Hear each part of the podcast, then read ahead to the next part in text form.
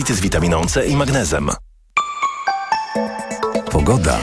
Dziś nad Polską sporo słońca, choć miejscami głównie na wschodzie i północy przelotny deszcz, a na Podkarpaciu także burze. Nad morzem możliwy silniejszy wiatr i tam najchłodniej w Trójmieście dziś maksymalnie 18 stopni, 19 w Szczecinie, 21 w Krakowie, Poznaniu, Łodzi, Bydgoszczy i Lublinie, 22 w Warszawie, Katowicach, Wrocławiu, Toruniu i Białymstoku. Dobrej pogody życzę sponsor programu. Japońska firma Daikin. Producent pomp ciepła, klimatyzacji i oczyszczaczy powietrza. www.daikin.pl Na prognozę pogody zaprasza sponsor. Właściciel marki Active Lab Pharma. Producent preparatu elektrowid zawierającego elektrolity z witaminą C i magnezem. Nie narzekamy dziś na jakość powietrza o poranku. Nigdzie normy pyłów zawieszonych PM10 i PM2,5 nie są przekroczone. Kolejny raport smogowy w TOK FM po 17. Radio TOK FM. Pierwsze radio informacyjne. EKG.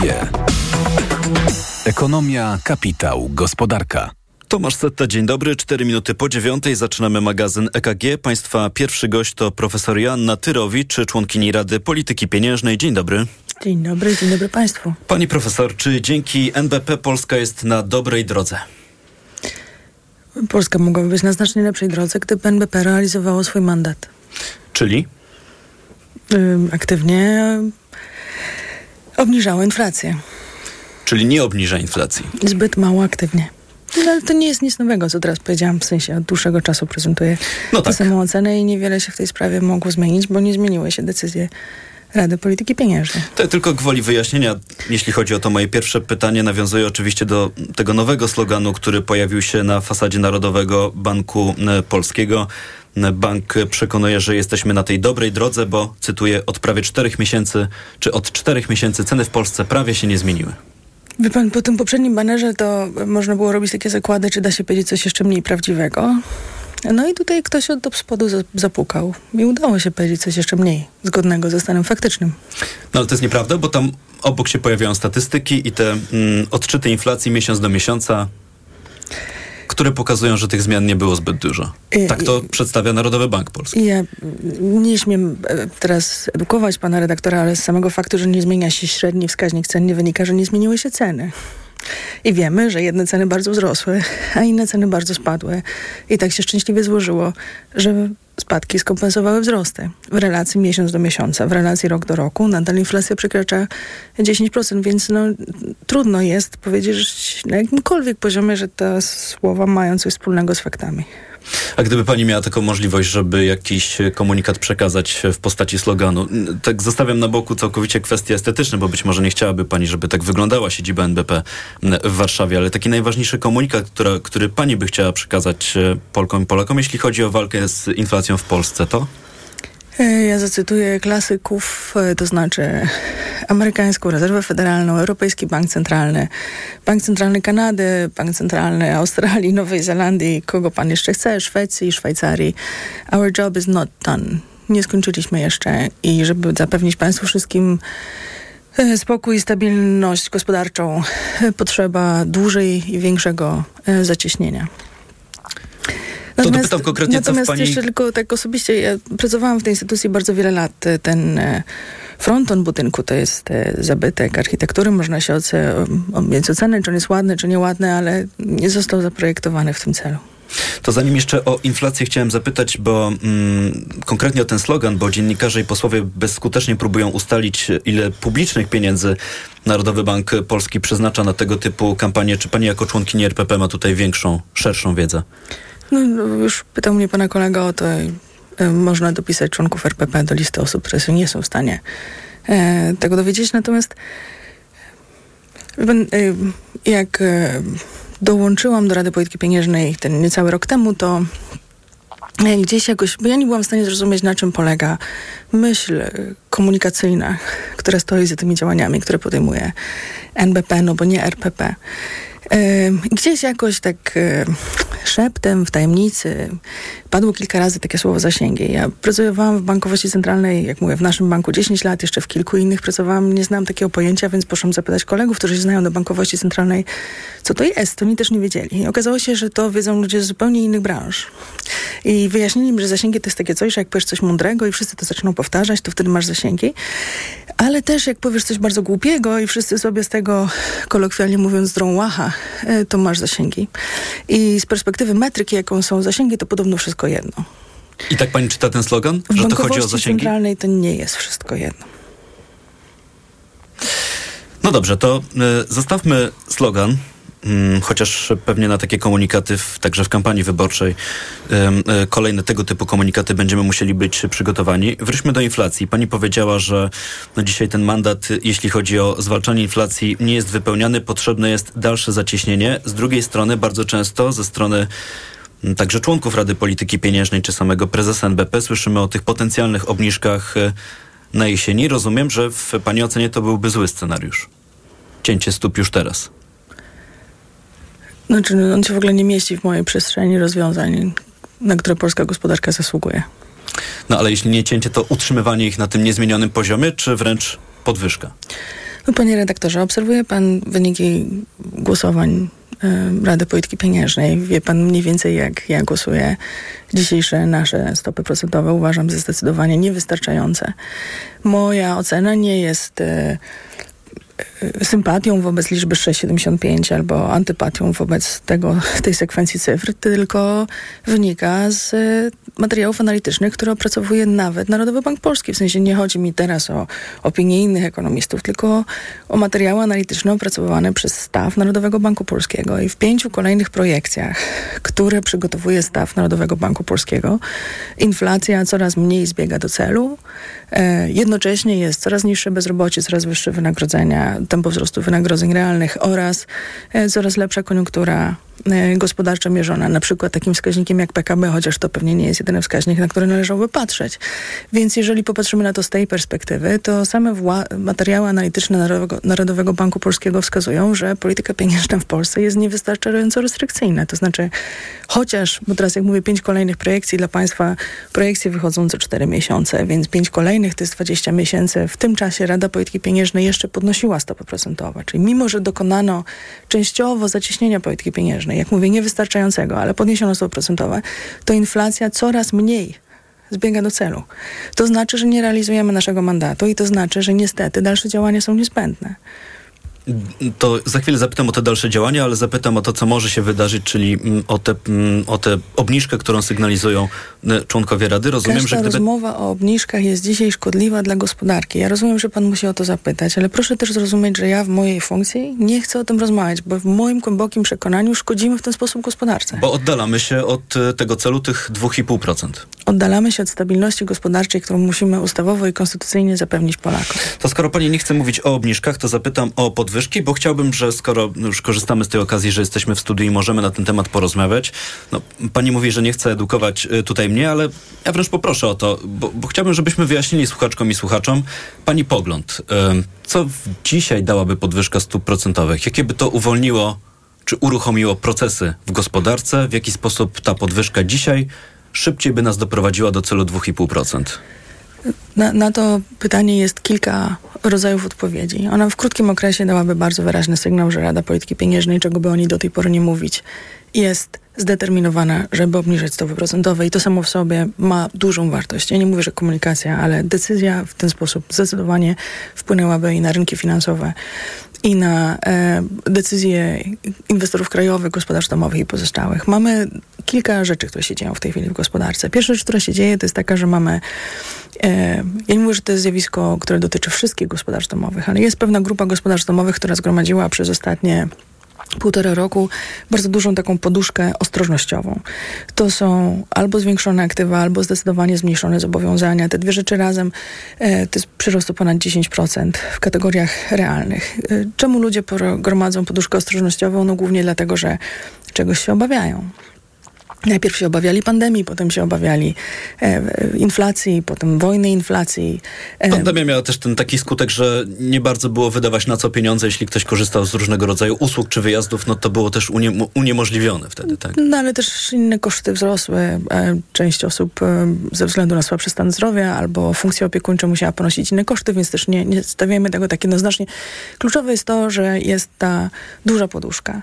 I teraz ta poduszka pozostanie poduszką, jeżeli przekonamy e, Polaków, żeby trzymali ją, że się tak wyrażę, postaci płynnych aktywów finansowych, a nie dzisiaj zrealizowanej konsumpcji. Kiedy obniżyłyby się stopy, albo kiedy zapowiedzi obniżek stóp obniżają e, stopy depozytowe w bankach e, komercyjnych, to ta korzyść z tego, że trzymam pieniądze na koncie przy jednocześnie cały czas bardzo wysokiej inflacji jest z każdym dniem coraz y, mniejsza.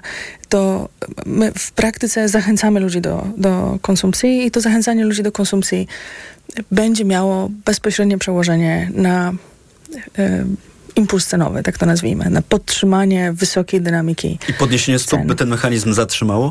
Tak. To jest pierwsza rzecz. Druga rzecz, którą widzimy cały czas w gospodarce, to jest to, że bardzo silny pozostaje popyt na pracę. Po bardzo wysokich wzrostach w zeszłym roku, w tym roku nie ma już wzrostu e, zatrudnienia w sektorze przedsiębiorstw, ale to też jakby ustalmy, że baza jest na tyle wysoka, że trudno się spodziewać. Nie ma żadnych zwolnień, nie, nie ma spadków, e, pomimo relatywnie słabej dynamiki PKB. A to oznacza, że całe dostosowanie, które nastąpiło do tej pory y, po stronie gospodarki realnej i relacjach pracodawca-pracownik nastąpiło za pośrednictwem płac, a nie za pośrednictwem e, zatrudnienia. W praktyce pracownicy zgodzili się na niższe wynagrodzenie, na niższy wzrost wynagrodzeń, czyli wzrost wynagrodzeń, który nie kompensował e, wzrostów kosztów e, życia. Przy niższej dynamice inflacji i z takim poczuciem, że no w zeszłym roku nie było podwyżki, to w tym roku oczekuję nieco większej, zobaczymy relatywnie wysoką, realną dynamikę wynagrodzeń. Ja przygotowałam taką analizę, która próbuje oczyścić to, co oglądamy w dynamice płac z efektów bazy, z efektów sezonowych, z paru innych rzeczy, które nam tam zaburzają. No i płace realne rosną już od trzech miesięcy. To nie są jakieś ogromne wzrosty, ale to są wzrosty na takim poziomie, jak były w roku 2019, czyli ostatnim, nazwijmy to normalnym e, roku i roku, w którym zaczęły przyspieszać wzrosty cen. Więc popyt e, ze strony gospodarstw domowych, które zarabiają e, pracą najemną, jak to się nieładnie mówi, czyli większości z nas, e, nie będzie słabu e, przy rosnącej przy rosnących wynagrodzeniach, tak? I kompensujących te poprzednie miesiące. To jest jeszcze jedna rzecz, o którą muszę e, panią zapytać. Czy te ostatnie dane, które zobaczyliśmy, te dotyczące m, kredytów i tego boomu na kredyty hipoteczne po tym, jak wystartował e, program Bezpieczny Kredyt, ten program firmowany przez e, rząd, to z punktu widzenia członkini Rady Polityki Pieniężnej jest ważny element?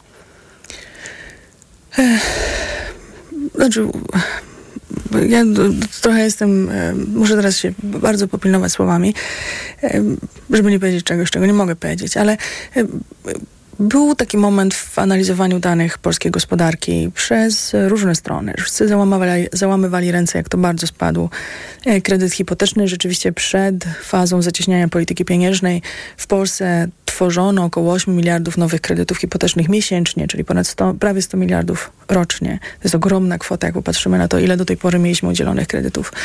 I ta liczba spadła do dwóch, w, naj, w najniższym punkcie do około 2 miliardów e, złotych i wszyscy mówili, że to głównie dlatego, że taka właśnie ostra, ciasna polityka pieniężna, wysokie stopy, drogie te kredyty. No i Rechu Ciachu przyszedł KNF i powiedział, o, bufor będzie trochę niższy, jeśli stopy będą stałe, a niezmienne. Ten, który jest stosowany przy obliczaniu zdolności kredytowej I klientów. znagła przy cały czas niezmienionych stopach na poziomie 6,75 i realnie eksante rosnących stopach procentowych, przynajmniej troszeczkę, e, liczba udzielanych kredytów jeszcze na długo przed uruchomieniem programu e, 2% wzrosła z 2 do prawie 5. Tych kredytów 2% jeszcze my nie widzimy w produkcji, bo ten program dopiero został uruchomiony. Państwo odwołujecie się do liczby wniosków, a nie do kwot przyznanych, a już w szczególności uruchomionych. Natomiast e, jakby te 5 to przeliczmy sobie, to jest 60 miliardów kredytów, e, nowych kredytów przyznanych gospodarstwom domowym w Polsce rocznie. To jest bardzo wysoka liczba.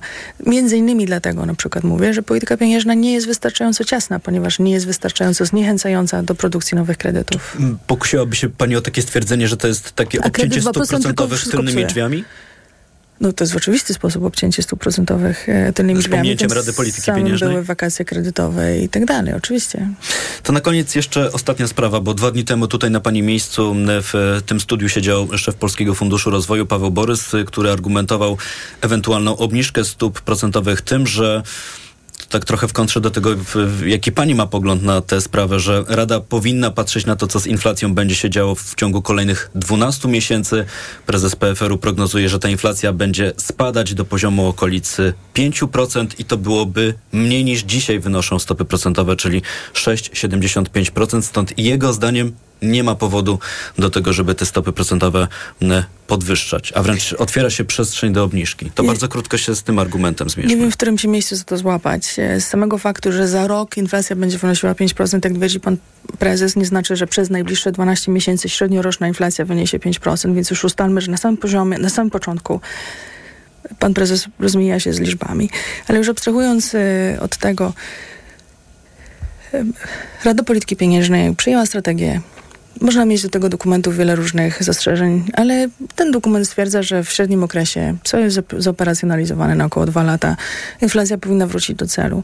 Nie widzę wartości w tym, że pan prezes y, PFR próbuje sugerować Radzie Polityki Pieniężnej jakąś inną, lepszą strategię, bo to jest jednak niezależność Rady w tej sprawie i to jest dokument Rady, a nie mój. Chciałabym też jeszcze odnieść się do jednego, co pan powiedział. Pan mówi o opiniach te pięć kolejnych projekcji, które pokazują, że jesteśmy coraz dalej od Rady, od celu inflacyjnego, przepraszam, to, nie nie jest jest, moja opinia. To nie jest opinia, to są najlepsze analizy, jakie jesteśmy w stanie na dzisiaj przygotować i na podstawie których powinniśmy podejmować decyzje. O czym mówiła profesor Joanna Tyrowicz, członkini Rady Polityki Pieniężnej. Bardzo dziękuję za rozmowę. Dziękuję, miłego dnia Państwu życzę. Dołączam się do życzeń, jest 9.20, informacje. EKG. Ekonomia, kapitał, gospodarka. Autopromocja. Uprzejmie informujemy, że TOK FM niezmiennie poleca się do słuchania. Zawsze i wszędzie. Spędź wakacje z TOK FM. Słuchaj swoich ulubionych audycji i podcastów TOK FM, których nie usłyszysz na naszej antenie. W dowolnej kolejności, o dowolnej porze. Zawsze, gdy masz na to ochotę. Dołącz do TOK FM Premium. Teraz 30% taniej. Szczegóły oferty znajdziesz na tokefm.pl. Autopromocja. Reklama. Teraz w euro wielorabaty. Drugi produkt 30% taniej. Albo trzeci 55%. Albo czwarty 80%. Albo piąty produkt nawet za złotówkę. Promocja na całe duże AGD i ekspresy. Regulamin w sklepach euro i na euro.com.pl Ale chwileczkę, bo w Biedronce są biedronkowe oszczędności. Do soboty. Borówka amerykańska 500 gramów. Tylko 8,99 za opakowanie. Albo 6,99 za opakowanie przy zakupie minimum dwóch. Do tego masło ekstra polskie mlekowita 200 gramów. Jedynie 3,19 za opakowanie przy zakupie trzech z kartą Moja Biedronka. Limit dzienny 3 opakowania na kartę. A Coca-Cola 2 litry tylko 5,99 za butelkę przy zakupie czteropaku z kartą Moja Biedronka. Limit dzienny 2 czteropaki na kartę. Szczegóły na biedronka.pl Szkoła! Studia! Praca! Przygotuj się na nowy start z Mediamarkt! Teraz laptop Pik o przekątnej 13,3 cala. Tylko za 899 zł. Najniższa cena z 30 dni przed obniżką to 1299 zł. Mediamarkt. Reklama. Radio TOK FM. Pierwsze radio informacyjne. Informacje TOK FM. 9.22. Marta Perchuć-Burzyńska. Zapraszam. Przy granicy z Białorusią trwają poszukiwania elementu pocisku zgubionego przez polskich żołnierzy. Jak ustalił reporter TOK FM Szymon Kępka, chodzi o zapalnik, który wypadł ze śmigłowca w czasie lotu patrolowego. To zdarzenie miało miejsce we wtorek wieczorem. Dotąd przedmiotu nie udało się odnaleźć. Jak usłyszałem w dowództwie generalnym, teraz trwają intensywne poszukiwania przedmiotu, który spadł w nieznane miejsce na teren Puszczy Białowieskiej. Trzeba tu zaznaczyć, że sam przedmiot ma wbudowane zabezpieczenia, nie jest w żaden sposób niebezpieczny. Tak przekonuje dowództwo generalne, które informuje o tym też w komunikacie na swojej stronie. Osoby, które znajdą w tym rejonie, a więc Puszczy Białowieskiej, podejrzany przedmiot, proszone są o kontakt z numerami alarmowymi albo z przedstawicielami wojska. Szymon Kępka, TOK FM. Szykuje się gorąca jesień pełna protestów. Jako pierwsi na ulicę wyjdą nauczyciele ze Związku Nauczycielstwa Polskiego, którzy 1 września będą protestować w Warszawie, a na 15 września Ogólnopolskie Porozumienie Związków Zawodowych zapowiada dużą manifestację wspólnie z Forum Związków Zawodowych. Marsz Gniewu przejdzie ulicami Warszawy na miesiąc przed wyborami do Sejmu i Senatu, które prezydent zarządził na 15 października. Galeria Handlowa będzie nową siedzibą punktu obsługi klienta komunikacji miejskiej w Gdańsku. Zarząd Transportu Miejskiego postanowił zamknąć dwa dzielnicowe położone na uboczu punkty i przeprowadzić się do leżącej tuż przy dworcu PKP we Wrzeszczu Galerii. To duże ułatwienie dla pasażerów, przekonuje Dagmara Szajda z ZTM. A w nowym miejscu, przystosowanym oczywiście do potrzeb osób z niepełnosprawnościami, będzie można kupić bilety, doładować kartę miejską biletem okresowym, złożyć wniosek o jej wydanie albo złożyć wniosek o przystosowanie legitymacji studenckiej do biletów okresowych. Punkt w galerii będzie mógł obsługiwać klientów przez 14 godzin na dobę. Jego uruchomienie zaplanowane jest na drugą połowę sierpnia. Pogoda. Dziś najwięcej słońca na zachodzie, w Bieszczadach możliwe są burze, a niemal wszędzie poza zachodem może przelotnie padać deszcz na termometrach do 15 stopni na Podhalu, 16 nad morzem, 22 na południu, w pozostałych regionach od 19 do 21. Radio TOK FM. Pierwsze radio informacyjne. EKG. Ekonomia, kapitał, gospodarka. 24 minuty po dziewiątej zaczynamy drugą część magazynu EKG. Państwa kolejni goście to dziś pani Lidia Adamska, ekspertka w zakresie rynków finansowych, mentorka startupów. Dzień dobry. Dzień dobry. Pani Karolina Opielewicz, członkini zarządu Krajowej Izby Gospodarczej, zastępca dyrektora generalnego. Dzień dobry. Dzień dobry. I pan Tomasz Prusek, prezes Fundacji Przyjazny Kraj. Również dzień dobry. Dzień dobry państwu. Prezes Narodowego Banku Polskiego Adam Glapiński e, obkleja siedzibę Narodowego Banku Polskiego, ale też ośmiesza Narodowy Bank Polski? Pozwolę sobie zadać takie, być może z takim mocnym sformułowaniem e, pytanie, ale to już kolejna taka sytuacja, więc, więc wydaje mi się, że takie postawienie sprawy jest uzasadnione. Pytanie o Państwa pogląd. E, rozmawialiśmy przed chwilą jeszcze poza anteną o tym, że to oklejanie banku rozpoczęło się trochę wcześniej. E, e, na początku mieliśmy informacje o różnych jubileuszach, nowo wybitych monetach, a potem przeszliśmy do faktycznie takiego już trochę skandowania politycznych haseł. No, taka metoda komunikacji przyjęta taka przez Taka metoda komunikacji i myślę, że bardzo wiele osób zgadza się co do tego, że to nie jest rola Banku Narodowego, aby komunikaty takie no mocno PR-owe, marketingowe zamieszać na swojej siedzibie i, je jakby ogrywać. Tutaj w przypadku Narodowego Banku Polskiego mamy jeszcze taki, e, taki przykład e, wiralowej kampanii, prawda? No bo te hasła, e, wielu ekspertów ekonomicznych z tymi hasłami się nie zgadza, w związku z czym wokół nich rodzi się duża dyskusja. To nie ogranicza się do takiej outdoorowej reklamy na banku, na siedzibie Narodowego Banku Polskiego, ale przechodzimy do takiej już bardzo mocnej i intensywnej dyskusji we wszystkich mediach. No i tak ja się zastanawiam prywatnie, czy to jest też taki marketingowy cel obliczony na to, że faktycznie nieważne jak o nas mówią, niech mówią e, i to idzie w świat. E, no niezależnie od tego, jakie te cele marketingowe NBP-owi pracownicy sobie założyli, to faktycznie z całą pewnością to nie jest rola Narodowego Banku Polskiego, aby mm, promować tego typu hasła w taki zwłaszcza sposób. To mówiła pani Karolina Opielewicz. Ja też e, przyznam szczerze, że kiedy zobaczyłem ten najnowszy Banner, slogan, już nieważne jak to nazwiemy, też się zastanawiałem nad tym, na ile mm, jest to obliczone, żebyśmy także tutaj w magazynie EKG na ten temat e, rozmawiali, bo mm, no, być może w, znowu nie tak dużo naszych słuchaczek i słuchaczy musi bezpośrednio gdzieś tam w okolicy NBP przebywać, przechodzić i być może na ten slogan by się nie natknęli. Ale tak się zastanawiam w takich sytuacjach, no to jakie jest wyjście z tej sytuacji? To nie, nie powinniśmy na ten temat rozmawiać? Lidia Adamska. E, pytanie, które pan redaktor zadał, ono powtarza się od jakiegoś czasu. Ja muszę powiedzieć, że e, informacje o tym banerze i to, co na nim jest napisane, przyjęłam e, z kolejnym zażenowaniem, e, nie ukrywam.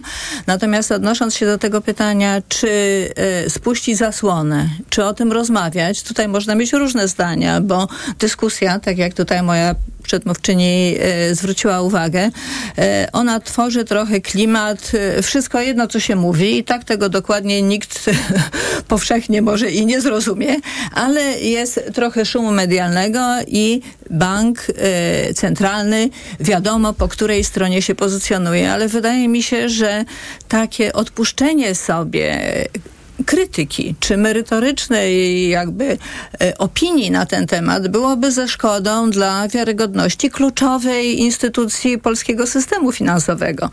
I także chciałabym zwrócić uwagę, że baner banerem, jego polityczna wymowa, to, że prezes Banku Centralnego dużego kraju europejskiego, członka Unii Europejskiej, najlepiej chyba się czuje w kapeluszu partyjnego polityka, co nie jest standardem i co nie jest właściwe, e, no, w jakiś sposób zdominowało e, wymianę opinii na temat jeszcze innej płaszczyzny tego, co tam jest napisane. Ponieważ można przyjrzeć się merytorycznie każdemu słowu tego dosyć krótkiego tekstu. Dzięki, e, dzięki NBP Polska jest na dobrej drodze. Już od czterech miesięcy ceny prawie się nie zmieniły. A więc dzięki NBP.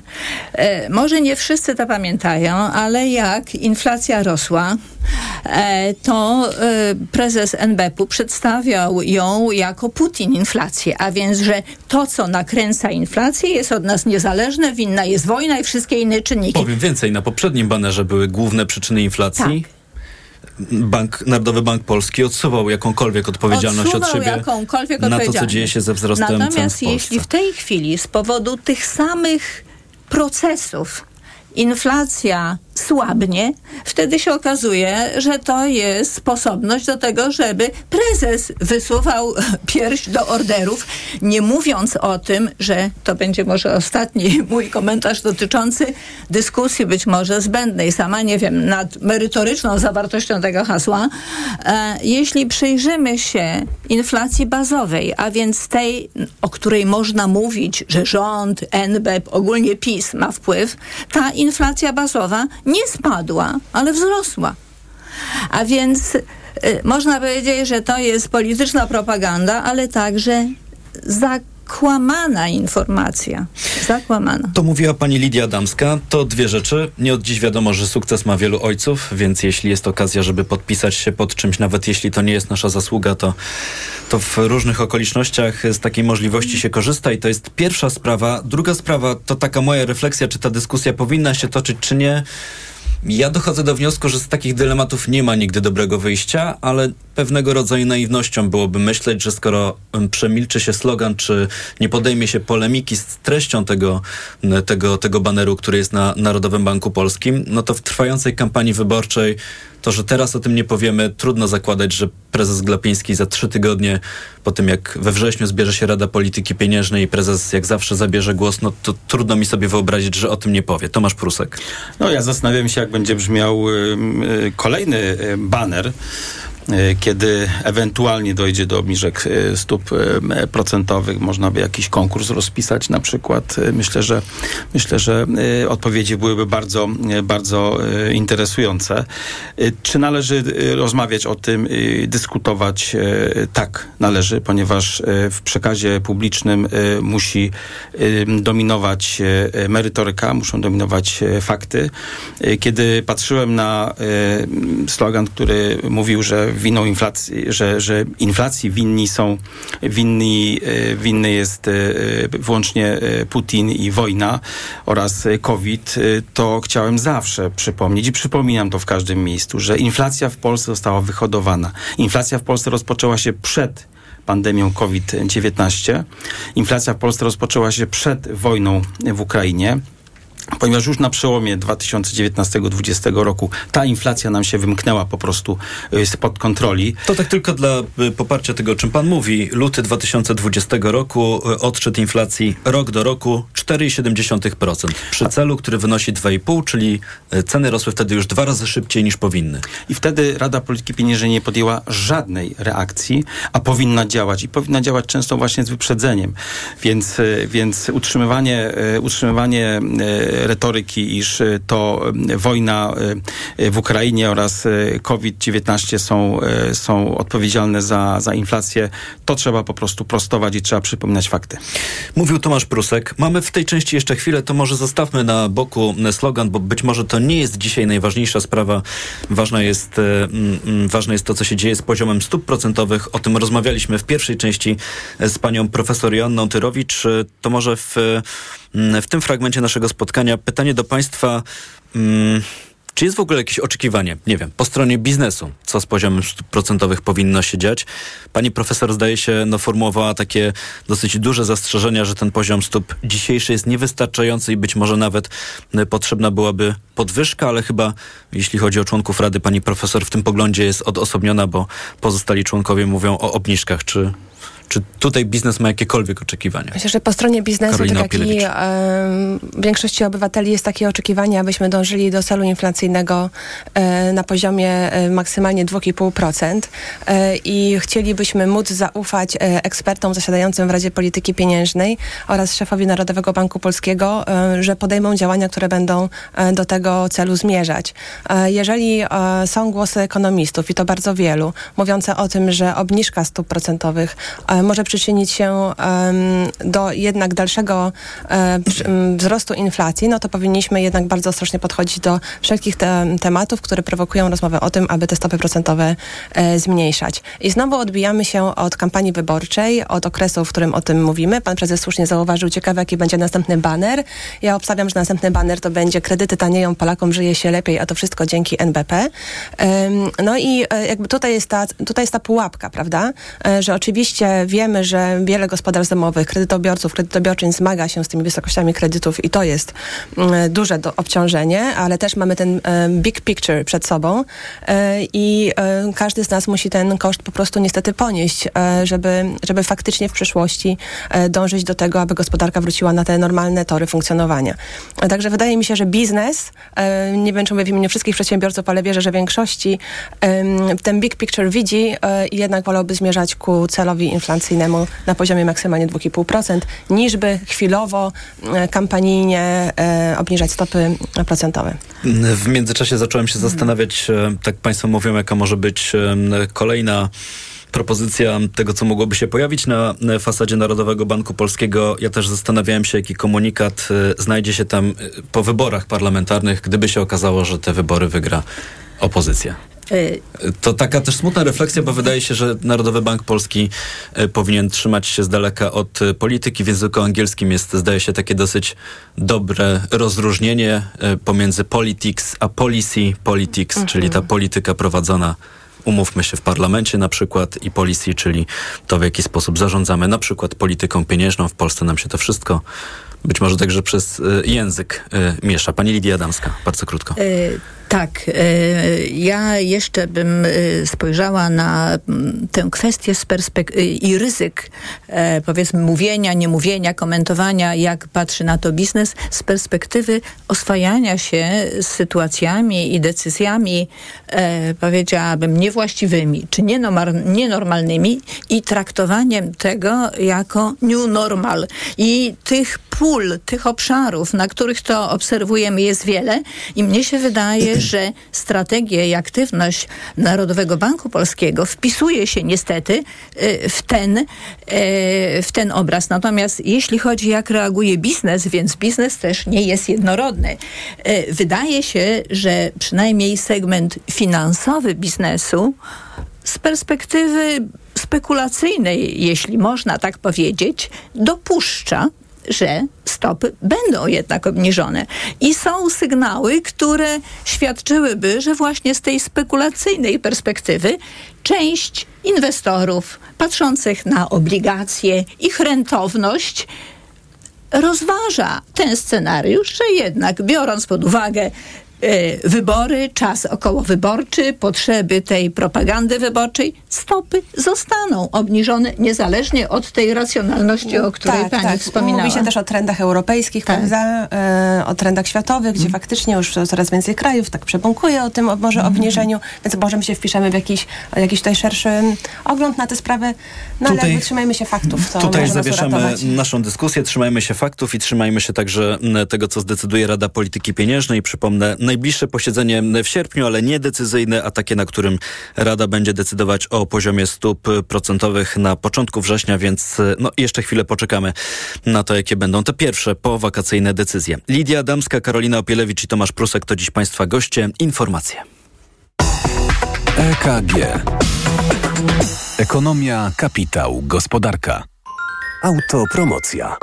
Fundacja Tok FM i Fundacja Batorego przedstawiają podcast Rozumieć Ukrainę. Agnieszka Lichnerowicz. Edwin Bendyk. Bardzo serdecznie Państwa zapraszamy. Jakie są scenariusze odbudowy Ukrainy? Jacy bohaterowie z przeszłości inspirują dziś Ukrainki i Ukraińców do walki? Co kształtuje ich wyobrażenia sobie? Jak wojna zmienia społeczeństwo? I jak Ukraińcy zmieniają Polskę i Europę? O tym wszystkim co tydzień w środę przed godziną 15. Wszystkich odcinków tego podcastu posłuchasz na tokefm.pl ukośnik Ukraina lub w aplikacji mobilnej TOK FM.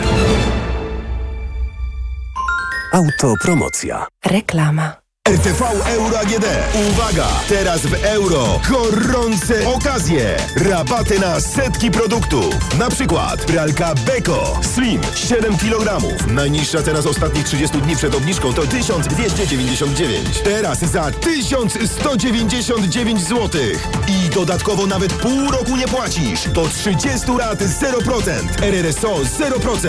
Szczegóły i regulamin w sklepach euro i na euro.com.pl to był świetny wypad w góry. Do czasu, aż Krysie złapał ból pleców, pamiętacie? Niby coś brałam, ale nie pomogło. Bo stosowałaś nie to, co trzeba. Fakt. Pomógł mi dopiero Opokan Med. Bo Opokan Med to specjalistyczne rozwiązanie. Właśnie na bóle mięśniowo-stawowe i reumatyczne. Opokan Med przynosi ulgę na długo. Opokan Med. Bez bólu przez cały dzień. Bez bólu przez całą noc. To jest wyrób medyczny. Używaj go zgodnie z instrukcją używania lub etykietą. Rozgrzewanie i łagodzenie dolegliwości krzyżowo-lędźwiowych, reumatycznych, mięśniowych, stawowych i nerwobuli. Aflofarm. Ale chwileczkę, bo w Biedronce są biedronkowe oszczędności. Do soboty. Borówka amerykańska 500 gramów. Tylko 8,99 za opakowanie. Albo 6,99 za opakowanie przy zakupie minimum dwóch. Do tego masło ekstra polskie mlekowita 200 gramów. Jedynie 3,19 za opakowanie przy zakupie trzech z kartą Moja Biedronka. Limit dzienny 3 opakowania na kartę. A Coca-Cola 2 litry tylko 5,99 za butelkę przy zakupie czteropaku z kartą Moja Biedronka. Limit dzienny 2 czteropaki na kartę. Szczegóły na biedronka.pl Dla zachowania komfortu podróży kup dzieciom Lokomotiv. Lokomotiv to sprawdzone i bezpieczne rozwiązanie na podróż z dobrym samopoczuciem. Z Lokomotivem bezproblemowo dotarłeś do celu. Suplement diety Lokomotiv. Niezastąpiony w czasie podróży. Wyciąg z łącza Imiru pomaga utrzymać komfort lokomocyjny Aflofarm. Jestem. Już wróciłaś? Dwa tygodnie szybko minęły. Ale co to były za tygodnie? Mm. Rzeczywiście, jesteś odmieniona. Gdzie ty dokładnie byłaś? Bristol Art and Medical Spa w Busku Zdroju. Zabiegi wykorzystujące naturalne złoża wód siarczkowych, dyplomowani fizjoterapeuci oraz rytuały w spa. Mm. A wolne terminy? Wystarczy zarezerwować. Bristol Art and Medical Spa w Busku Zdroju. bristolbusko.pl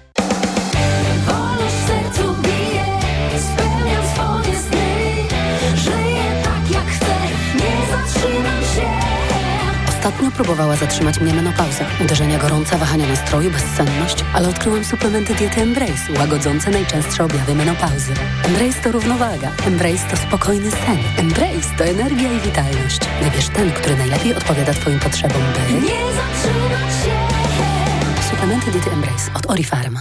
Jestem lekarzem dermatologiem i wiem, że stosując pomadkę do ust myślimy głównie o nawilżeniu. To za mało, dlatego sama stosuję i polecam Regenerum. Regeneracyjne serum do ust z filtrem SPF 50+. Pod wpływem słońca usta tracą objętość i kolor. Regenerum skutecznie chroni delikatną skórę ust przed szkodliwym działaniem słońca. Ponadto Regenerum intensywnie nawilża usta, zapobiega utracie wody, odżywia je i poprawia elastyczność. Dzięki Regenerum usta na długo zachowują naturalne piękno. Regenerum. Pełna regeneracja. Reklama. Radio TOK FM. Pierwsze radio informacyjne. Informacje TOK FM. Dochodzi 9.42. Marta Perchuć-Burzyńska. Zapraszam. W przyszłym tygodniu nastąpi ogłoszenie paktu senackiego, zapowiedział w TOK FM lider PSL-u Władysław Kosiniak-Kamysz. Dodał, że obecnie dopinane są ostatnie kwestie, a do rozstrzygnięcia pozostał jeszcze jeden lub dwa okręgi. Pakt zakłada, że ugrupowania opozycyjne nie będą wystawiać przeciw sobie kandydatów w wyborach do Senatu, ale we wszystkich stu okręgach wystawią wspólne nazwiska. Na dwa miesiące przed wyborami prezydent na wniosek premiera dokona dziś zmian w składzie rządu bezpartyjnego, nie lekarza Adama Niedzielskiego Na stanowisku ministra zdrowia zastąpi lekarka i posłanka PiSu Katarzyna Sujka. Minister Niedzielski odchodzi po skandalu związanym z ujawnieniem danych wrażliwych lekarza, który krytykował nowy system wystawiania recept. Do Włoch dotarł w bardzo krótkim czasie nowy wariant koronawirusa o nazwie Eris, drugi najbardziej obecnie szerzący się na świecie, informuje dziennik Il Messaggero.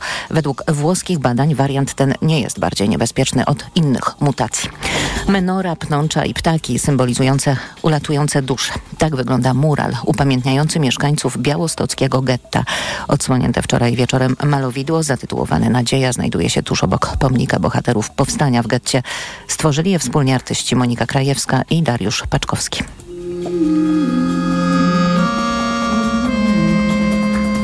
Słowa, które użyłam, Zolszań kumendigeule, czyli y, niech już nadejdzie wybawienie. Dlatego ten mural się tak nazywa i dlatego ja się bardzo cieszę, że on y, tutaj powstał. Drzewa, które tu stoją wszystkie, myślę, że te, te, ptaki się tutaj cudownie wpisują i rozlecą się tutaj, e, po, po rozsiądą po tych e, gałęziach tych wszystkich drzew i po prostu tak sobie myślę, że to jest to, co zapada w serce. 16 sierpnia przypada 80. rocznica powstania w białostockim getcie, drugiego po warszawskim największego żydowskiego zrywu w okupowanej przez Niemców Europie. Pogoda. Dziś najwięcej słońca na zachodzie, a poza tym niemal wszędzie może przelotnie padać deszcz. Na termometrach do 15 stopni na Podhalu, 16 nad morzem, 22 na południu. W pozostałych regionach od 19 do 21. Radio TOK FM. Pierwsze radio informacyjne. EKG. Ekonomia, kapitał, gospodarka. Za kwadrans wybije godzina 10, teraz jest 9.44. W Radiu TOK FM zaczynamy trzecią część magazynu EKG. Lidia Adamska, Karolina Opielewicz i Tomasz Prusek. Przypomnę, to dziś Państwa goście. W tej części tradycyjnie będę oczywiście pytać e, Państwa o zdziwienia jeśli jakieś są, bo też czasy takie, że niektórych już nic nie dziwi. Do tego za moment przejdziemy, ale chciałbym z Państwem jeszcze porozmawiać o tym, co dzieje się w światowej gospodarce, bo docierają do nas e, kolejne informacje o mm, chińskiej gospodarce. Mm, wcześniej słyszeliśmy o tym hamującym w Chinach eksporcie i imporcie. Teraz doszły do tego informacje o deflacji. To znaczy w Chinach odnotowuje się spadek cen. Mówimy zarówno o inflacji konsumenckiej, o tym co widzą mm, konsumenci w Chinach, jak i o inflacji producenckiej. Deflacja, no jeśli spojrzymy sobie na Chiny, czytam komentarze, to raczej sytuacja niepożądana, bo zwiastuje to, że to jest jakiś element historii takiej oto, że chiński, chińska konsumpcja hamuje, więc no, chińskie władze muszą się zastanawiać teraz nad tym, w jaki sposób tamtejszą gospodarkę pobudzić. No, chcę Państwa pytać o to nieprzypadkowo, bo COVID-19 już pokazał, że historia gospodarcza, która zaczyna się w Chinach. Gdzieś koniec tej historii jest w gospodarkach zachodnich, tu w Europie, a też, a też e, może to się odbić na, sytuacji polskich firm z różnych e, branż. Tomasz Prusek. Może rozpoczniemy nietypowo, bo literacko. Co tam panie w polityce? Chińczyki trzymają się mocno. No, niestety nie trzymają się mocno y, w tej chwili. Y, Chiny y, gospodarczo, moim zdaniem, ulegają zatarciu, jeśli chodzi o, o, o, o wiele, wiele wskaźników. Ta deflacja, która jest obserwowana w Chinach, to jest bardzo niepokojący sygnał, ponieważ ona będzie prowadziła do spadku konsumpcji w Chinach. E, to będzie miało bardzo poważne konsekwencje, bo jeżeli świat e, kupuje w Chinach mniej, e, z różnych powodów, to wtedy ta wielka chińska gospodarka skierowana w dużej mierze na zewnątrz musi znaleźć popyt na swoje towary wewnątrz. Jeżeli zaciera się popyt zaciera się, zaciera się y, y, chęć y, konsumentów do tego, aby wydawać pieniądze, może dojść do sytuacji takiej, kiedy w chińskiej gospodarce podzieją się bardzo niepokojące rzeczy. Chińczycy oczywiście będą działać i to bardzo szybko zapewne e, pompując gigantyczne pieniądze e, do gospodarki poprzez, e, poprzez akcję kredytową banków. Jaki jest, jaka jest sytuacja chińskich banków, to tak naprawdę na świecie nikt nie wie, ponieważ, ponieważ no, rządzą się one trochę swoimi prawami, to jest gospodarka kierowana politycznie. Ale jeżeli nie uda się przerzucić tego słabnącego popytu globalnego na chińskie produkty, na wzrost popytu w samych Chinach, no widzę przed Chinami naprawdę, naprawdę poważne problemy. No a kiedy y, Chiny kichną, cały świat będzie miał, y, będzie mieć y, Katar. I to może doprowadzić do sytuacji takiej, kiedy również w Polsce wzrost gospodarczy będzie hamować z powodów innych niż kwestie wewnętrzne. To ja tylko, żeby dodać czy uzupełnić ten obraz e, o taki żywy element, e, czym te chińskie problemy mogą się objawić także tutaj w Europie. Dziś w Rzeczpospolitej możemy przeczytać o słabej koniunkturze w Niemczech, która uderza w transport i logistykę. Jest po prostu mniej pracy, jeśli chodzi o rozwożenie różnego rodzaju rzeczy to jest pokłosie tego, co dzieje się w niemieckiej gospodarce, a z kolei to, co się dzieje w niemieckiej gospodarce, zależy od tych y, powiązań z chińską gospodarką, więc y, te problemy, które pojawiają się tam, mogą, czy nawet już objawiają się nam y, tutaj w Polsce. Pytanie, czy coś jeszcze dodajemy? Tak, z tych, doniesień, z tych doniesień medialnych e, dowiadujemy się też, że e, chińskie władze zakazują ekonomistom tamtejszym mówić o deflacji i oczywiście w Chinach deflacji nie ma e, i ona się nie wydarza. E, I tak sobie myślę, że to jest taki doskonały przykład, gdzie m, mm, prognozy nie, nie jak się mają z rzeczywistością, czyli import i eksport chiński tąpnął e, trzykrotnie więcej niż specjaliści przewidywali. więc będziemy się dowiadywać o tym, co tak naprawdę się dzieje dopiero po tych rzeczywistych uaktualnieniu danych rzeczywistych, prawda, a, a nie temu, co jest mówione, e, albo tych predykcjach. No i tutaj faktycznie możemy się spodziewać jeszcze wielu niespodzianek. No na szczęście w Polsce możemy jeszcze snuć nasze prognozy i mówić, jak jest bez e, większych obaw. To przed momentem mówiła pani e, Karolina Opielewicz. Ja do, tej, do tego odcinka Mm, historii dołożę jeszcze mm, decyzję Białego Domu. Prezydent Joe Biden podpisał dekret, który zakaże amerykańskim firmom niektórych inwestycji technologicznych w Chinach. Chodzi o to, żeby zamknąć Pekinowi dostęp do najbardziej zaawansowanych technologii, które mogą być potem wykorzystywane na przykład do modernizacji chińskiej armii, więc w tej globalnej gospodarce dzieje się sporo i pewnie jeszcze będzie sporo do komentowania w magazynie EKG. EKG. To zanim jeszcze zapytam o zdziwienia ostatni e, komunikat, bo zdaje się, że Stany Zjednoczone te już wspomniane czekają na dane o inflacji, które się dziś e, pojawią. Chyba ma ta inflacja odbić tam z 3 do 3,3%, czyli amerykańska rezerwa federalna będzie mieć argumenty do tego, żeby utrzymywać za oceanem stopy procentowe, a być może jeszcze się skusić na kolejną podwyżkę. To także dla nas tutaj w Polsce ważna informacja. Dobrze, to tyle ode mnie. E, czas na Państwa gości, Wasze e, zdziwienia. Kto zaczyna? E, to może ja jeszcze może tylko słowo e, nawiązujące do tego, co tutaj powiedziała moja przedmówczyni, takiego pudrowania rzeczywistości i zakazywania wspominania o deflacji w Chinach. Jakoś dziwnie mi to pasuje do polityki informacyjnej e, Narodowego Banku Polskiego w Polsce, że tutaj to pudrowanie rzeczywistości, jak widać, jest wspólne e, no, krajom e, o takim autorytarnym charakterze. Natomiast to, co... Każdy wybiera swoje własne wzorce. Każdy wybiera swoje własne wzorce i teraz widzę, że moje zdziwienie trochę się w tym klimacie e, utrzymuje, utrzymuje e, ponieważ no, możemy sobie zadać pytanie, dotyczące startupów, obszaru, który jest mi bliski, którym się zajmuję i który mnie cały czas interesuje, co jest potrzebne e, do tego, aby startupy firmy technologiczne w gospodarce się rozwijały i aby no, wpływały na e, rozwój gospodarczy e, danego kraju.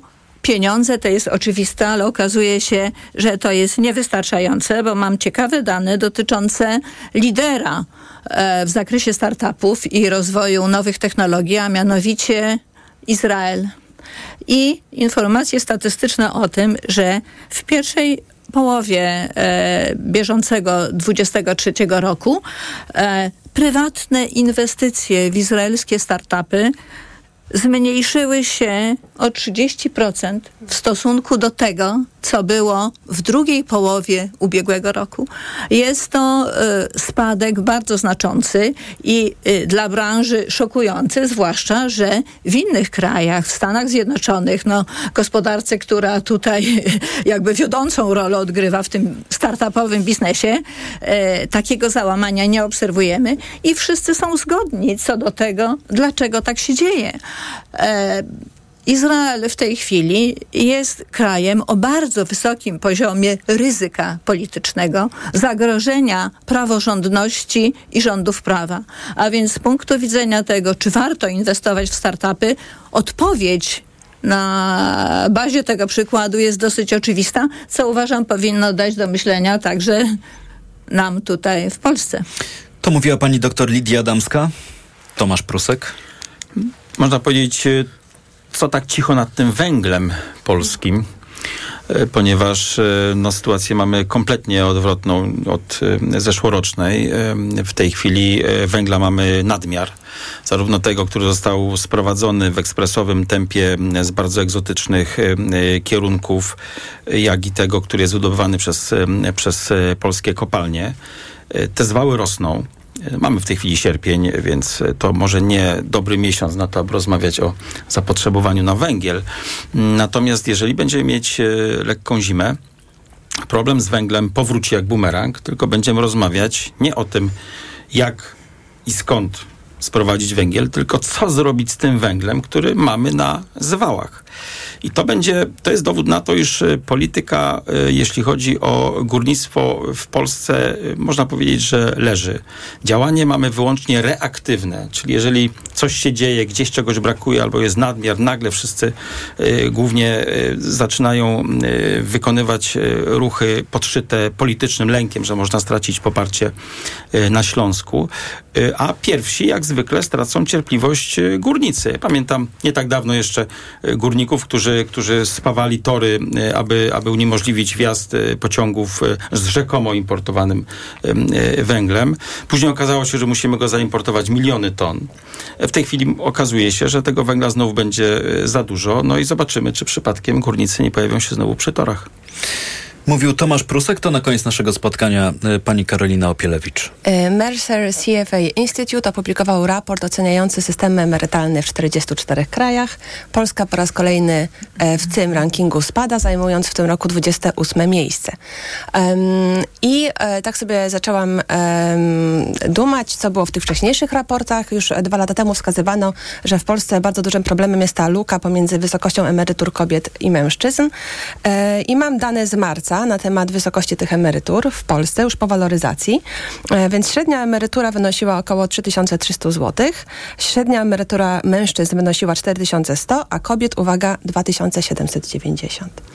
Więc jak sobie policzyłam, że kobiety mają około 1000, średnio 1300 zł brutto miesięcznie mniej emerytury, to pomyślałam sobie, że cała dyskusja o tym e, równości wynagrodzeń, e, możliwości prędkiego powrotu do pracy i tak dalej, jednak powinna się bardzo mocno opierać na tych danych faktycznych emerytalnych, prawda? Bo jakby kobiety w Czy moim wieku może wieku emerytalnym tak, na przykład. nie do końca sobie z tego zdają sprawę, na jak wiele aspektów w przyszłości rzutuje to, co się teraz dzieje.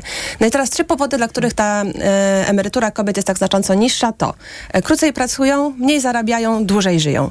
E, pomyślałam sobie, że przynajmniej na dwa z tych trzech czynników nie mamy żadnego wpływu. To znaczy, pracujemy krócej nie tylko przez to, że jest krótszy wiek emerytalny dla kobiet, ale także zajmujemy się dziećmi, e, potem osobami e, starszymi w naszej rodzinie. E, no, skorzystamy z ropów wychowawczych, wtedy te świadczenia są oczywiście niższe. Czyli ten model społeczny nadal istnieje i w ślad za tym mogę wam powiedzieć, że z tych zasiłków rodzicielskich skorzystało w 2022 roku 1% mężczyzn, no więc nadal bardzo niewiele.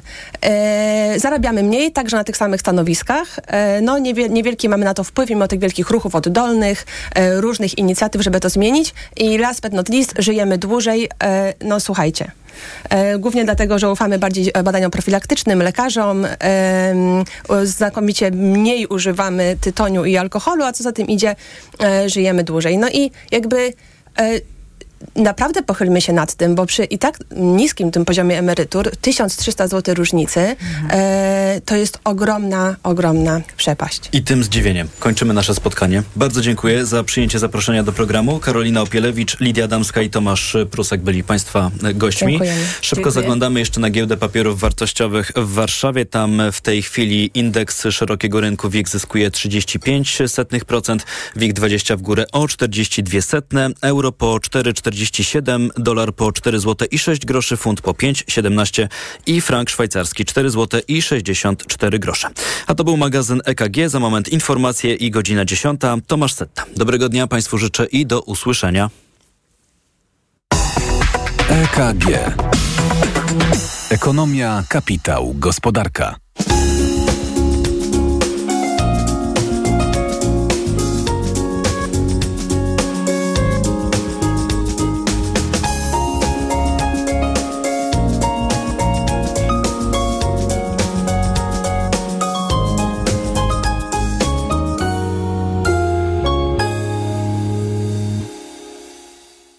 Reklama. Każdy z nas oszczędza! Dołącz do Kaufland Card i oszczędzaj więcej. Od czwartku z Kaufland Card schab wieprzowy bez kości z lady tylko 14,99 za kilogram, 10 kilo na osobę, a pomidory malinowe kilogram tylko 2,99. Idę tam, gdzie wszystko mam. Kaufland. Zakupy robię w Lidlu. Już od czwartku. Karkówka w marynacie, cena przed obniżką 28,47 za kilogram, a teraz 13,99, a z aplikacją Lidl Plus tylko 10,99 za kilogram. Kiełbasa śląska, cena przed obniżką 16,90 za kilogram, a teraz 9,90, a z aplikacją Lidl Plus tylko 8,50 za kilogram. Szczegóły promocji w aplikacji Lidl Plus, a polskie śliwki aż 62% taniej za kilogram. Cześć, teraz nie mogę rozmawiać, bo smacznie śpię. Wieczorem biorę suplement diety Valerin Sen. Tabletki ułatwiają mi zasypianie i wspomagają spokojny sen bez wybudzeń przez całą noc. Wyciąg z ziela melisy wspomaga odprężenie. Wyciąg z szyszek chmielu wspiera utrzymanie zdrowego snu. Valerin Sen. Zdrowa dawka snu. Aflofarm. Marzysz o niezapomnianym wypoczynku w otoczeniu przyrody? Pragniesz luksusu i relaksu na najwyższym poziomie? Zapraszamy do Doliny Charlotty. Miejsca dla całej rodziny. Czekają na Ciebie niezliczone atrakcje, między innymi balijskie spa Bali High, zoo, wodne safari, fokarium, dmuchany park rozrywki, kajaki i rowery wodne, wędkowanie i stadnina koni. Zarezerwuj swój wymarzony wypoczynek w Dolinie Charlotty. www.dolinacharlotty.pl No jak Andrzej, jesteś gotowy? Chyba nie pojadę na ryby. Znowu boli mnie bark. Niby coś brałem, ale nie pomaga. Lepiej wypróbuj Opokan Med. To specjalistyczne rozwiązanie właśnie na bóle mięśniowo-stawowe. Opokan Med przynosi ulgę na długo. Na tobie zawsze mogę polegać. Z Opokanem Med będziesz zdrów jak ryba. Opokan Med. Bez bólu przez cały dzień. Bez bólu przez całą noc. To jest wyrób medyczny. Używaj go zgodnie z instrukcją używania lub etykietą. Rozgrzewanie i łagodzenie dolegliwości krzyżowo-lędźwiowych, reumatycznych, mięśniowych, stawowych i nerwobóli. Aflofarm. Reklama. Radio TOK FM. Pierwsze radio informacyjne. Czwartek, 10 sierpnia jest 10. Dzień dobry.